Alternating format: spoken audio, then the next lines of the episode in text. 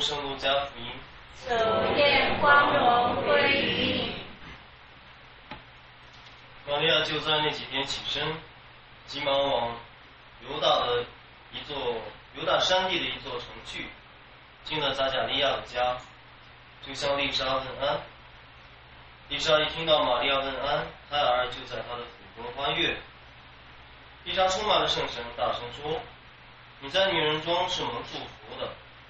我主的母亲来到我这里，这是我从哪里得来的福气呢？你看。”你问安的声音一入我耳，胎儿就在我的腹中欢喜踊跃。那信上主传给他的话必要成就的女子是有福的。玛利亚说：“我的灵魂颂扬上主，我的心灵欢悦于我的救主天主，因为他垂过了他卑微的使女，今后万代的人都要称我有福。全能者给我做了骑士，他的名号何其神圣。”他对敬畏他的人们广施慈爱，千求万世。他运用手臂，大施神威，把心高气傲的人击溃。他从高位上推下了权贵，却提拔了弱小卑微。他使饥饿者饱享美味，却使富有者空手而回。他扶助了他的仆人以色列，因为他常念及自己。正如他曾应许我们的先祖，永久眷顾亚伯郎。和他的家族，玛利亚和丽莎同住了三个月左右，就回家去了。以上是基督的福音。基督，我们赞美。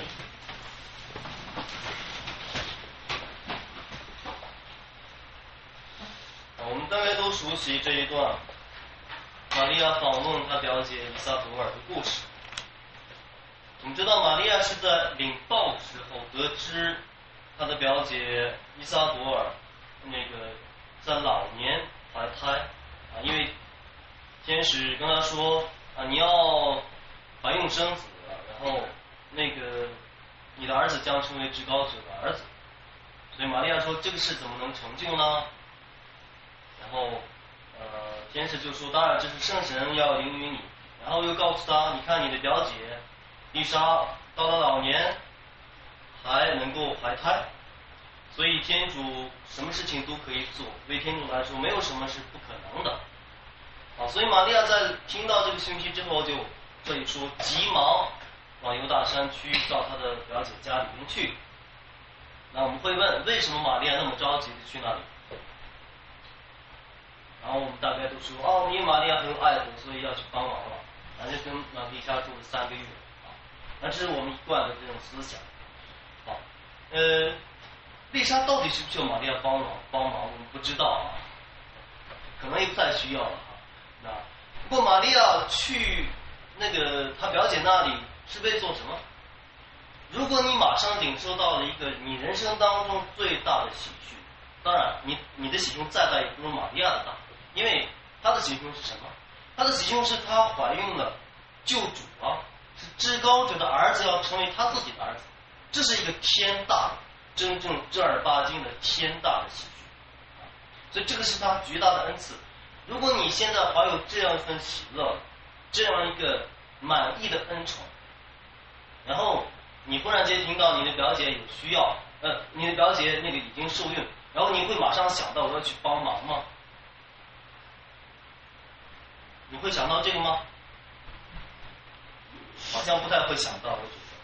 应该不会想到啊，首先要想到的应该不是这，然后天使又告诉玛利亚说，在丽莎身上同样发生着一个奇迹，是她在老年，你要知道丽莎是一个，包括玛利亚自己是以色列啊历代女子当中的一个一个一个典范，在以色列的历史当中，有那么几个女人是非常非常出名的。他们都出现在了耶稣的族谱上。这几个女人都被称为使女，就是不能怀孕。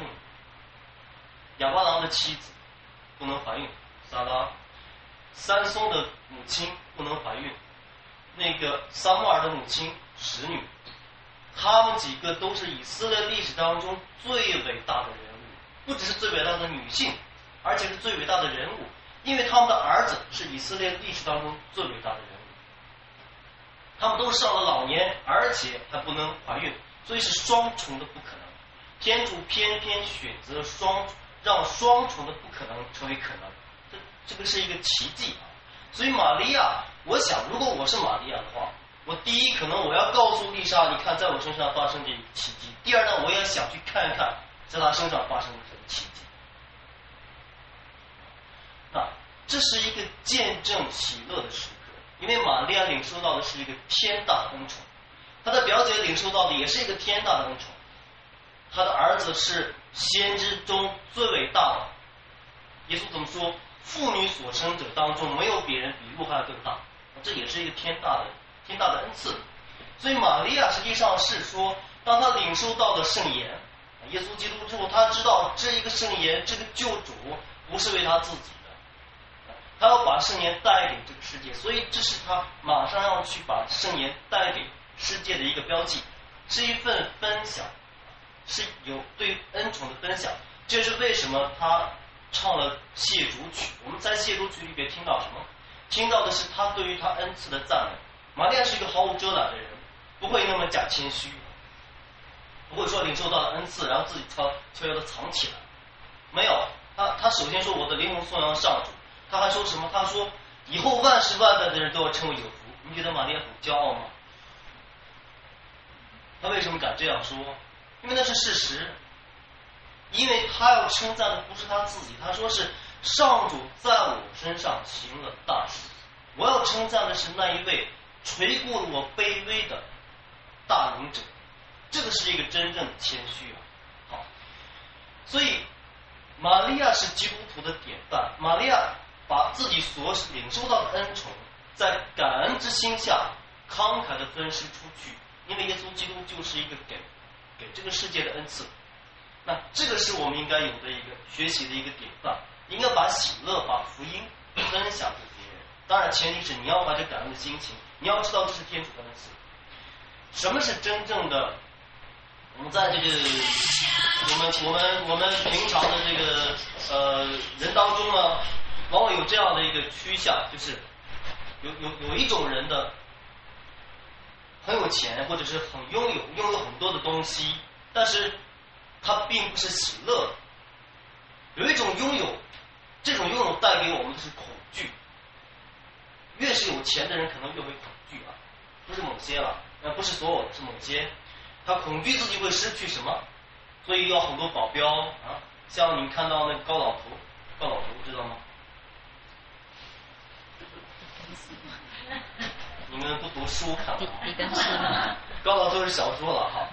高老头就是有有很多的钱财，然后天天就在那里看。然后他的生活生活是极其贫苦，然后一毛不拔，一分也不花，天天就看自己有多少钱在那里看。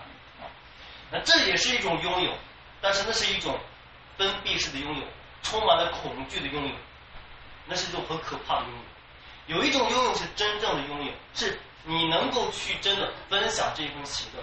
你有了，然后你能够去有喜，怎么讲？当你去分享的时候呢，你见证了一份你拥有的喜乐，那才是真正的拥有！你拥有的是喜乐和幸福，而不是恐惧。所以这个是基督徒的拥有。所以我们基督徒领受到了天主的恩赐之后，就应该像玛利亚那样去分享出去。当然，我再说一遍，前提是我们得感恩，得知道这个是天主给的。如果你不知道这个是天主给的，那你根本没有办法去去分享，你觉得这个都是你自己的。实际上，你越把持，越把持，你就越恐惧，你就越担心，你你就越没有。真正的拥有是是是内内在的那份喜乐和幸福。所以，这是玛利亚今天可以呃带给我们的一个一个一个榜样。所以我们祈求天主，祈求玛利亚能够让我们像他那样。去学习，懂得感恩，也懂得把我们所领受到的恩赐分享给别人。